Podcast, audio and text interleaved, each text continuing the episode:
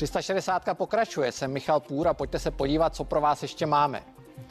Bude to rok od chvíle, kdy policista Derek Chauvin zaklekl v Minneapolisu na krk afroameričana George Floyda. Floydova smrt dala nový impuls hnutí Black Lives Matter proti policejní brutalitě a rasové nerovnosti, ale také odhalila hluboké příkopy v americké společnosti. Jak vypadají Spojené státy rok poté?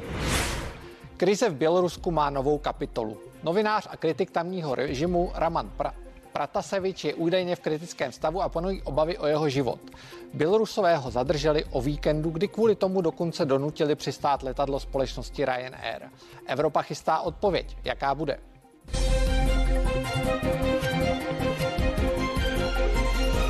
Je to téměř rok, co video ze zatýkání afroameričana George Floyda zažehlo sérii protestů celosvětovým dopadem. V USA jsou spr- je zprvu provázely i násilnosti a rabování, ale znamenali také nový impul- impuls pro debatu o rasové nerovnosti a policejní brutalitě. Jak si lidé výročí Floydovy smrti připomínají? O tom už přímo z místa můj kolega ze CNN Joe Jones. Akce připomínající smrt George Floyda se konají napříč celými spojenými státy, nejvíc ale tady v Minneapolisu ve státě Minnesota, kde vše před rokem začalo. Včera v noci se lidé sešli na poklidném pochodu. Na dnešek plánují online akce, které se budou moct zúčastnit všichni na svých sociálních sítích. Zítra je na programu bohoslužba a zapálení svíček. Jedním z velkých cílů demonstrantů je schválení zákona, který by změnil podobu policejní práce v USA. Prezident Joe Biden politiky vyzval k předložení schváleného zákona před výročím Floydovy smrti, což se ale nejspíš nestane. Floydova rodina tak alespoň zítra navštíví Bílý dům. Smrt George Floyda mnoho lidí považuje za hybatele změny ve Spojených státech. Ve skutečnosti ale od jeho smrti došlo v USA k řadě případů policejního násilí, které nebyly řádně prošetřeny a rodinám obětí se nedostalo spravedlnosti.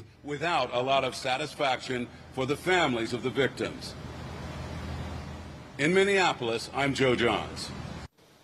Ve studiu vítám publicistu Martina Vajse, dobrý večer. Dobrý večer. Publicistu Tomáše Klvaňu, dobrý večer. Dobrý večer. A historika Martina Kováře, dobrý, Dobrý večer. večer. Já začnu tady u pana Klvaně, který je tady trošku osamocený. Eh, Slyšeli jsme, že Black Lives Matter zásadně změnili Spojené státy. Myslíte si, že ten rasový problém, na který upozorňovali, je od smrti George Floyda? Zní to trošku blbě, ale je to tak, je lepší, zhoršil se nebo zlepšil? No tak to je otázka za, na, na to, co se vlastně eh, chcete dozvědět. Ano. Eh, Když se podíváte na objektivní statistiky rasových problémů ve Spojených státech, tak převládají pozitiva. Eh, Ekonomická situace eh, afrických Američanů za posledních 40-60 let se neuvěřitelným způsobem zlepšila.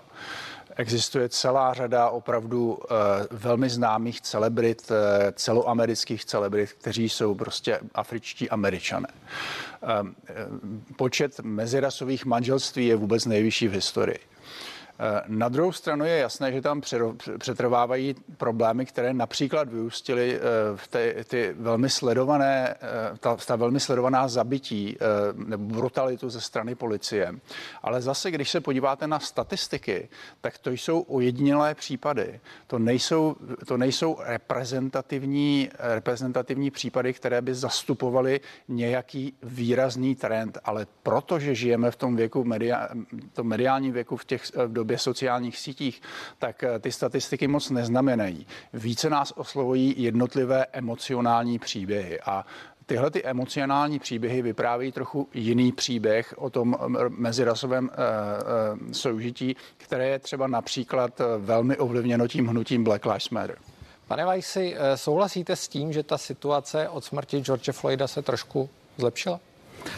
Já si myslím, že se v, ta situace takto v tom posledním roce, že se spíš zhoršila. E, A to proto, že ta vlna nepokojů, která, e, která tu smrt e, provázela, takže vedla k velmi destruktivním demonstracím v některých oblastech a podstatě víme, je to předurčené, říkají nám to studie v- podobných událostí v minulosti, že ta místa dlouhodobě budou trpět a nespamatujou se prostě z toho, že tam eh, došlo k destrukci, k zavírání obchodu. Lidi se o tom teď budou stěhovat dlouhodobě, na tom ty, ty místa budou špatně.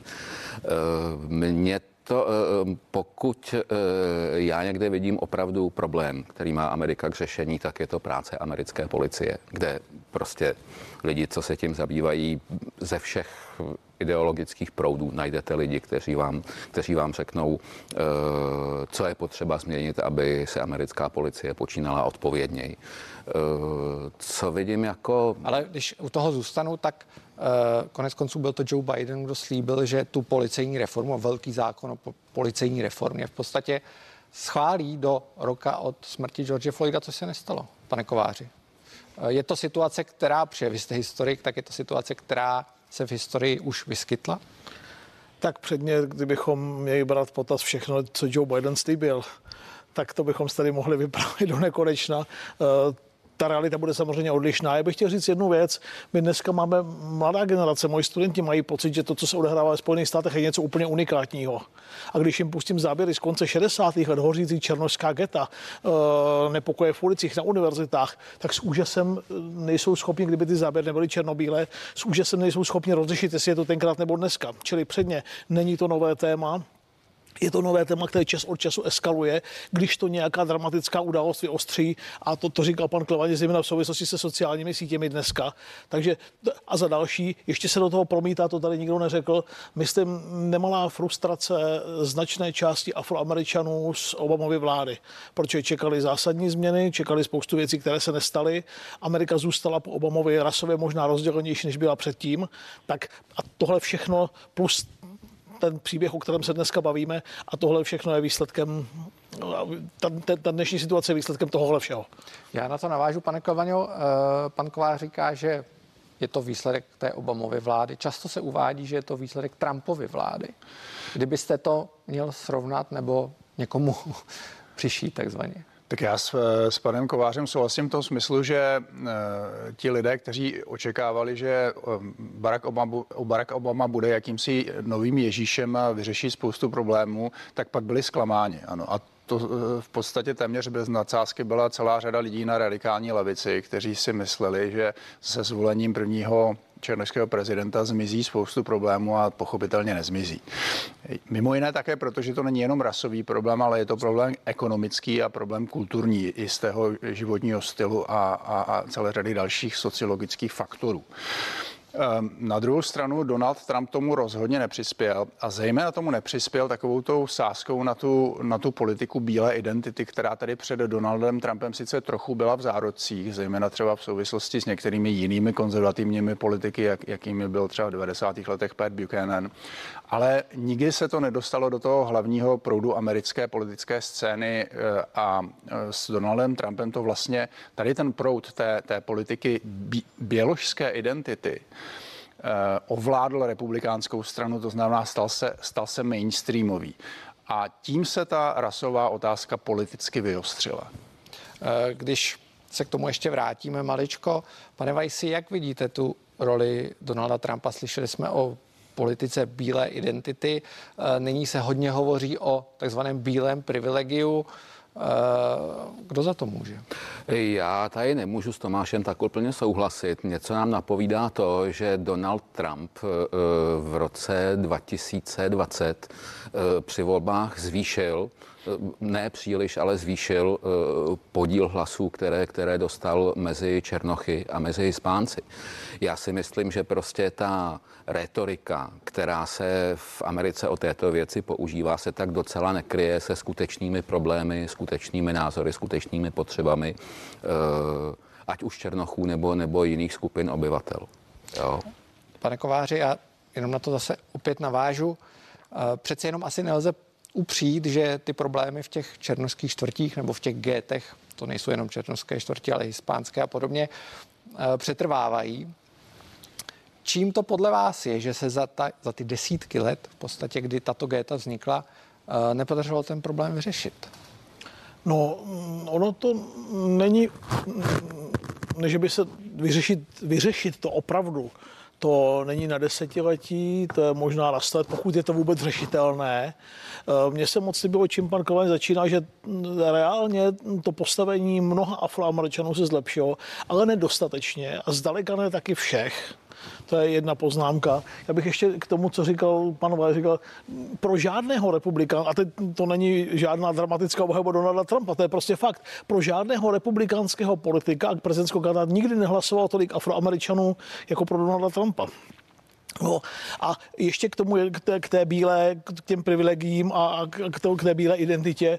Uh, tohle byla, ta Trumpova politika byla do jisté míry reakcí na to, uh, co republikány uh, děsilo po volbách v roce 2012, kdy v mnoha ohledech kompetentní a výborně připravenými Trumny prohrál s Barackem Obamou a mainstreamu ve skoro všichni komentátoři v Americe psali, že už nikdy žádný republikánský kandidát, který bude klást důraz na tu bílou identitu, nemůže vyhrát.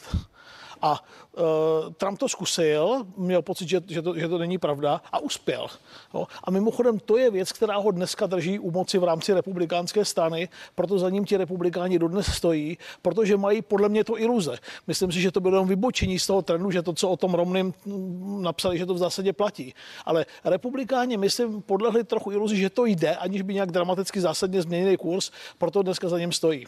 Já se ještě vrátím eh, k Georgi Floydovi a k tomu procesu s Derekem Chauvinem, který ho uškrtil na ulici eh, amerického Minneapolisu. Hodně se o tom procesu mluvilo. Derek Chauvin byl shledán vinným, zatím nebyl mu určen trest, takže to ještě uvidíme. Určitě bude mít šanci na odvolání. Eh, jak vy vnímáte ten proces? Protože i v Americe, která samozřejmě momentálně spíš podporuje hnutí Black Lives Matter, i v té novinářské obci, eh, hodně se nespochybňuje ten rozsudek, ale objevily se názory, že ten proces nebyl férový. No tak to je zejména názor z určitého, z určitého koutu té republikánské strany. Když si dneska poslechnete třeba Fox News, tak ten, ten um, proces se tam sledoval trošku jinak. Tam se jako ti komentátoři zprava snažili najít na tom vlastně jakýsi rasismus na ruby. Ano. Takový ten tlak společnosti na to odsoudit opravdu toho, toho policistu bez ohledu v úvozovkách na důkazy. Problém je v tom, že i, i kdyby tohle byla pravda, tak ty důkazy jsme viděli všichni e, na tom videu a byly velmi těžce spochybnitelné. Takže já ten proces považuji za víceméně férový a jsem rád, že nedošlo k, eh, po něm k dalším násilnostem v Minneapolisu, což je vlastně, pokud si můžu dovolit takovou osobní poznámku, jakési moje město, kde jsem strávil čtyři roky na studiích a velmi dobře to tam znám. Znám to tam i v těch černožských getech, eh, o kterých se v Minneapolisu moc nemluvilo, ale byla tam, byla tam velmi špatná situace už v 90. letech.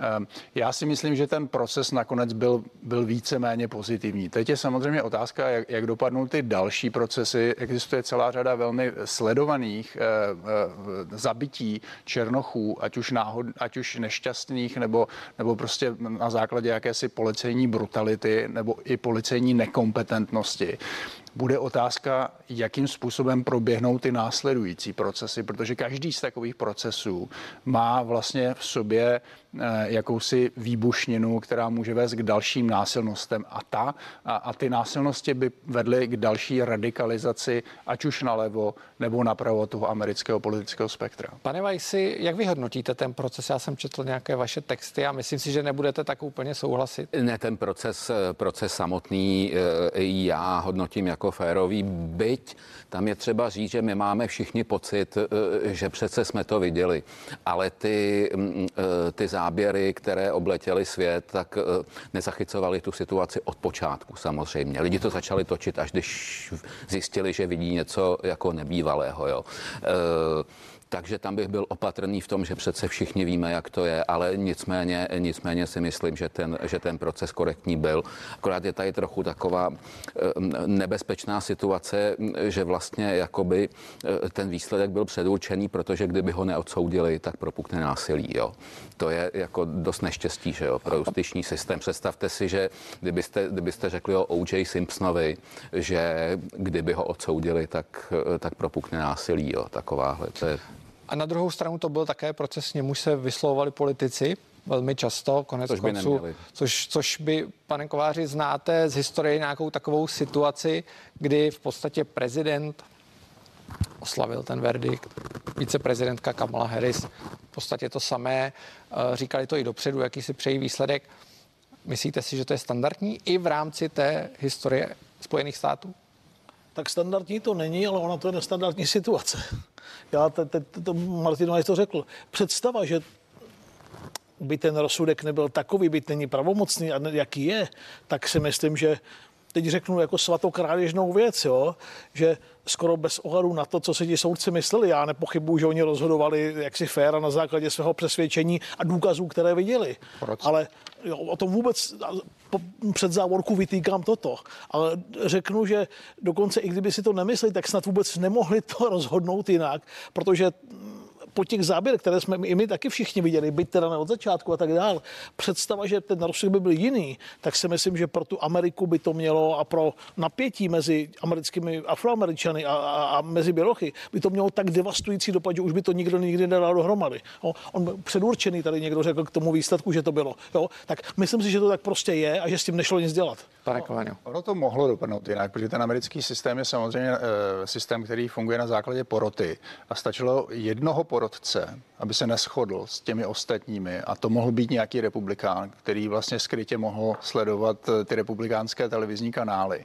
A e, tam si z těch, z těch různých názorů mohl celou řadu, celou řadu ospravedlnění pro hlasování jinak, než hlasovat klidně vybrat. Takže eh, eh, myslím si, že je vlastně docela, docela dobře, že to, že to dopadlo takhle a že se tolik lidí v té porotě shodlo vlastně jednomyslně na tom, na tom odsouzení. Eh, když zůstanu u vás, dopady hnutí Black Lives Matter, obzvláště po smrti George Floyda, protože to hnutí existuje už déle než po smrti George Floyda, Eh, do toho globálního rámce, do ostatních zemí. Jak to hodnotíte? Viděli jsme spoustu věcí, které jsou s tím spojovány, ať už jsou to zápasy třeba fotbalové slávy, klekání na fotbalových hřištích. Není to přeci jenom určitý znak jakési kolektivní viny, který se pro, přenáší do celého světa? Bez sporu je, bez sporu je. Eh, já si myslím, že je to prostě bohužel dáno tou, tou situací ve Spojených státech, ale nejenom ve Spojených státech, ale ve Spojených státech je to samozřejmě vyostřené těmi, eh, těmi problémy s otroctvím, které skončilo v uvozovkách historicky jenom před nějakými 150 lety, ale zejména potom, eh, co se dělo potom od zrušení otroctví. Vlastně až v 60. letech minulého století došlo k úplnému zrovnoprávnění afroameričanů v americké společnosti. A to jsou prostě věci, které trvají dlouho. Ano, my, my pořád tady ve Spojených státech, ale i jinde, pořád žijeme vlastně z těch, eh, z těch problémů minulosti. To, jsou, to bude trvat ještě několik generací, než se tenhle ten eh, problém podaří vyřešit. Já si myslím, že pokud mluvíme o tom eh, hnutí Black Lives Matter, tak bychom měli odlišit to hnutí samotné a ty aktivisty, což jsou podle mého názoru velmi nebezpeční, radikálně levicoví, levicoví aktivisté, kteří mají celou řadu velmi nebezpečných názorů pro demokracii. A takový ten brand Black Lives Matter, který dneska obepíná svět a který spíš znamená opravdu takovéto upřímné rozhořčení z některých těch projevů rasismu a odsouzení. Eh, to si myslím, že je důležitá věc, tyhle ty dvě věci od sebe oddělit. Pane Kováři, vy jste historik. Není to přeci jenom, eh, když se američané vrací v těch svých úvahách až otroctví, kam bychom se museli vrátit my? Není to přeci jenom hrabání se v přílišné minulosti z hlediska historika? Na to nemusíme chodit daleko. Koho by napadlo, že první prezidentskou kampaň Miloše Zemana proti Karlu Schwarzenbergovi, že tam významnou roli bude hrát otázka odsunu sudeckých Němců, toho, jak se kdo chová za války. Eh, a to, je, to bylo víc než půl století zpátky. A byla to v té kampani, vzpomeňme si na to, byla to nezanedbatelná věc, která tu kampaň spolu rozhodla. Takže není žádné překvapení, že američani se vracejí k tématu, které navíc mají na rozdíl třeba od toho českého německého problému. Oni ho mají pořád před očima. Takže nijak mě to nepřekvapuje. Stejně jako mě vlastně nepřekvapuje to, co se děje v Británii, protože tam je ten problém podobně vyostřený jako ve Spojených státech amerických a ty dopady uh, vidíme dnes a denně na britských ostrovech. Pane Vajsi, čekáte, že to někdy vůbec skončí? Um, teď je, myslím, vlna, bude to nějaký čas trvat díky tomu, jak je to ideologicky nastavené, kdo, kdo, má, kdo má v rukou tu, tu diskuzi o tom, že to bude nějaký čas spíš horší. Je to úplně špatně postavené, je to, je to právě tak, jako bychom se třeba u nás dnem i nocí nebavili o ničem jiném, než o vyhnání sudeckých Němců a o zločinech komunismu a řešili, jak, jak je napravovat. Jo. Třeba diskuze v Americe o reparacích pro Černochy za otroctví. To je podle mě úplně špatná cesta. Jo? A, a zrovna nám by to mohlo být jasné. Tady jsme si svojí diskuzí o restitucích a, a o nápravě minulých křivt uh, jako prošli. Jo? Pane Kovaňo, poslední dotaz. Uh, Viděli jsme v posledních dnech zejména útoky na židovské obyvatele, hlavně na východním pobřeží. Eh, viděli jsme před pár týdny útoky na azijské obyvatele, na Aziaty, eh, poměrně velká vlna útoků. Nemá přeci jenom eh, USA, nemají USA větší problém obecně s rasismem, nejenom s rasismem proti těm černým obyvatelům? Tak do jisté míry ano, ale je to také dáno tím, že Spojené státy jsou velmi rozrůzněná společnost. Je to společnost, ve které hraje eh, násilí daleko větší roli než v evropských kulturách. Ehm, celá řada problémů se tam prostě řeší, zejména v těch nižších společenských vrstvách násilím. Eh, v té, v té společnosti je eh, neuvěřitelné množství střelných zbraní, což zase v Evropě příliš nemáme. Už jenom třeba, když se projdete po Londýně, tak neuvidíte policajta se zbraní. Oni prostě nemají pistole, kdežto kdežto ve Spojených státech má pistol pomalu každý pošťák. Um, je to prostě specifická kultura. Eh, je to, je, to, je to kultura, která je do značné míry agresivní, nebo minimálně ve srovnání s naší středoevropskou kulturou je daleko agresivnější. A proto, proto tam zejména v těchto, v těchto situacích, které jsou ovlivněny celou řadou věcí, jako je třeba pandemie, jako je vyostřená situace té, té politické debaty v, na sociálních sítích, kdy se vlastně zakopávají ti, ti eh, extrémnější eh, směry na, na levici a na pravici do jakýchsi zákopů a, a vlastně spolu příliš nekomunikují, tak eh, prostě jsme v takové situaci, kde k těmhle těm fenoménům eh, eh, nějakým způsobem dochází a myslím si společně s Martinem, že to je jakási vlna, kterou ještě budeme chvíli eh, sledovat. Hned tak neodezní, ale eh, časem opadne. Eh, jste o tom přesvědčení i vy? Pane Já v, eh, lze dohledat výrok Baracka Obamy někdy z doby zpočátku jeho prezidentství nebo možná ještě z kampaně, kde vyjádřil naději, že tématem rasy se americká společnost bude zabývat čím dál tím míň. Dobře. To se mu nestalo. Pane Kováři. No já si naopak myslím, že to bude čím dál tím víc a myslím, že to teprve jako bude vyhrocené, mnohem vyhrocenější než dneska v té kampani 24, zvlášť pokud při ní bude Donald Trump. Já vám všem děkuji za účast a přeji vám hezký večer. Díky. Hezký večer.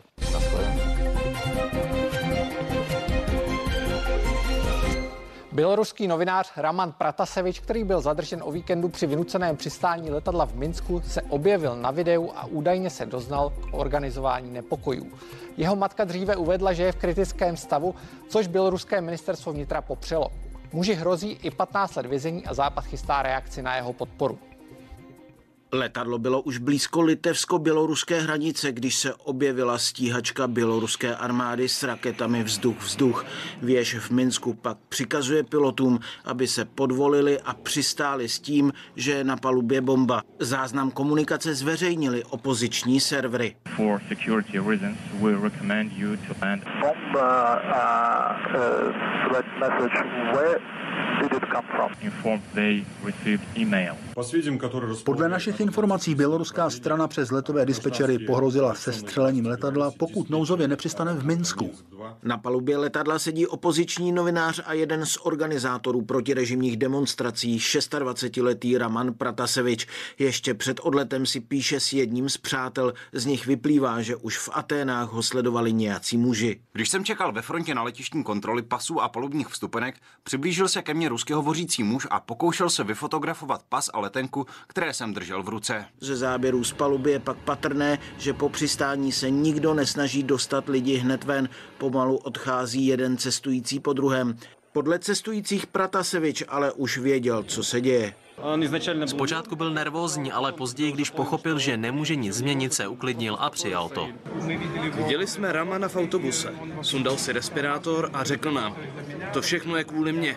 Mě zatýkají. Poslední jeho fotka, ještě svobodný v letištním autobusu. Po sedmi hodinách v Minsku zpět do letadla, kromě Ramana Prataseviče, nenastoupila také jeho přítelkyně a ještě další muži ruské národnosti. Podle generálního ředitele Ryanairu, zřejmě agenti tajných služeb. Pět nebo šest lidí opustilo letadlo, ale pouze jeden z nich byl zatčen, což by naznačovalo, že ostatní byli lidé z tajných služeb. O'Leary ještě dodal, že se jedná o únos a piráctví sponzorované státem. Záhadné vystoupení dalších pasažérů už vyšetřuje litevská policie. Pratasevič pobýval rok v Praze, byl tu na stipendijním novinářském programu, který spolupořádalo Rádio Svobodná Evropa. Aleksandr Lukašenko, on je strašně pomslivý. A on jednou prohlásil, že všechny jedno po jednom my dostaneme. Vidíte, dostaneme a tuto svoji hrozbu eh, bohužel začíná vyplňovat. Patrik Kaiser, CNN Prima News. Jak se chovat k režimu Alexandra Lukašenka, takzvaného posledního diktátora Evropy? To je téma, které teď proberu s expertem na Rusko a posovětský prostor Karlem Svobodou. Vítám vás ve vysílání. Dobrý večer. Dobrý večer. Eh, první dotaz je jasný. Myslíte si, že Bělorusové mají v současnosti být sebe menší šanci získat svobodu? Tak v tuhle chvíli asi ne. Ona nějaká šance byla po těch, eh, nebo po těch volbách, kdy ty protesty byly opravdu masivní, ale a mám takové obavy, že už ta samotná deklarace toho, že ty protesty budou nenásilné, že vlastně, vlastně to budou jenom demonstrace, které budou ukazovat jednotu, tak vlastně Lukašenka i tak trochu uklidnili. Prostě on při, přišel, s Kalaš, běhal tam s Kalašnikovem a dával najevo, že on ty protesty potlačí silou a t, vypadá to, že se na tom nic nezmění. Spekuluje se o tom, že uh, by Aleksandr Lukašenko si nedovolil takhle riskantní akci, pokud by neměl podporu prezidenta Vladimíra Putina, ruského prezidenta. Myslíte si, že byl to on, kdo hrál v tomto zákroku také roli? Tak je to docela možné. Ono uh, hlavně um, Lukašenko ví, že nebo Putin nechce Lukašenka ztratit, zároveň mu vyhovuje, že je Lukašenko docela slabý, takže uh, Lukašenko na druhou stranu to využívá k tomu, že on vlastně podniká podobné akce a ví, že Putin ho vždycky podrží, takže já nevím úplně přesně, jestli Putin to řídil, nebo jestli Putin, Putin vyslal agenty, nebo to byla akce, uh, akce běloruského režimu, ale ty indicie i ti čtyři rusky mluvící lidé tak uh, naznačují to, že z Ruska tam byla nějaká podpora.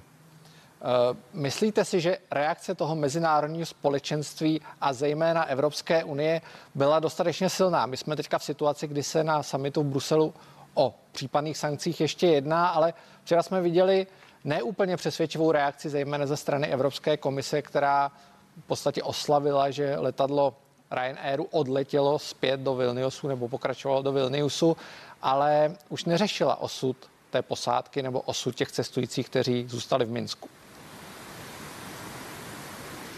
Tak já si myslím, že to bylo mimořádně hloupé vyjádření a že to litují ještě teď, ale ona ta reakce ještě přijde. Tam eh, není nutné zase čekat to, že okamžitě hned ten den nebo hned druhý den uh, nastane reakce. Pokud vím, tak byly zmrazeny 3 miliardy uh, pomoci rozvojové a, a jiné uh, pomoci Bělorusku. To byl ten první krok a o dalších krocích se bude jednat. Tam jde taky o to, aby vlastně Evropská unie nepoškodila víc sama sebe než, než Bělorusko a to jsou vždycky, vždycky věci vyjednávání. Z hlediska běžného pozorovatele může působit Aleksandr Lukašenko poměrně divoce na, na vládce poměrně velké země. Kdybyste se, vy ho znáte velmi dobře, zabýváte se ruským a posovětským prostorem, kdybyste se měl vcítit na chvíli do jeho hlavy, Eh, myslíte si, že to je muž, který už je tak zatlačený, že se pokouší, pokouší o podobné riskantní kousky, nebo je to naopak chladný taktik, který přesně ví, co dělá? Je to člověk, který je přesvědčený, že on je pro Bělorusko to nejlepší a um, jestliže on je to nejlepší, tak každý, kdo je proti němu, tak je proti tomu nejlepšímu, co je pro Bělorusko a musí být zlikvidován. To je v celku psychologie eh, diktátorů, která je, která je vysledovatelná prakticky, prakticky u všech z nich. Oni jsou prostě tyhle lidé přesvědčení, že i když třeba prohrají volby, nebo, nebo i když se ty volby nevyvíjejí tak, jak oni by chtěli, takže je to jenom důsledkem toho, že nastalo nějaké spiknutí a to spiknutí se musí zlikvidovat a pak bude všechno v pořádku. Takže to bych řekl, že je základ jeho myšlení. V jakém stavu se nachází v současnosti běloruská opozice? Protože vidíme, že velká část těch jejich představitelů je ve vězení, velká část je v zahraničí a v podstatě uh, nevidíme do Běloruska, jestli tam existuje vůbec nějaká sformovaná síla, která by získala uh, podporu většinových Bělorusů. Bělorusů. Tak ono podporu eh, většinových Bělorusů je otázka, otázka, jestli jim to vůbec pomůže, protože Lukašenko má na své straně ten mocenský aparát, ale ta opozice je prakticky rozprášená v tuhle chvíli. Ty protesty, které, které chodí po, po Minsku nebo chodily, tak eh, byly vytlačené různě na, námě, eh, na sídliště, ale opozice reálně že by měla nějakou šanci s uh, Lukašenkem otřást, tak to, to ne. Lukašenko postupně prostě se zbavuje těch jednotlivých představitelů a, a takhle to bude vypadat pravděpodobně i nadále. Poslední rychlá otázka, poprosím vás o stručnou odpověď. Hodně se spekulovalo o tom, že by se Bělorusko mohlo spojit s Ruskem a vytvořit zase o něco větší stát. Myslíte si, že to je reálné? Bělorusko se spojuje s Ruskem od roku 93 nebo prakticky od roku 92, kdy se, kdy se zase rozdělili. Takže uh, Lukašenko dělá všechno pro to, aby se nespojili, ale spojovali. Tak já vám moc krát děkuji a přeju hezký večer. Díky. Děkuji, nashledanou. Jsme na konci. Děkuji vám, že jste se dívali na dnešní 360 a těším se na vás zase zítra s novými tématy. Pěkný zbytek večera.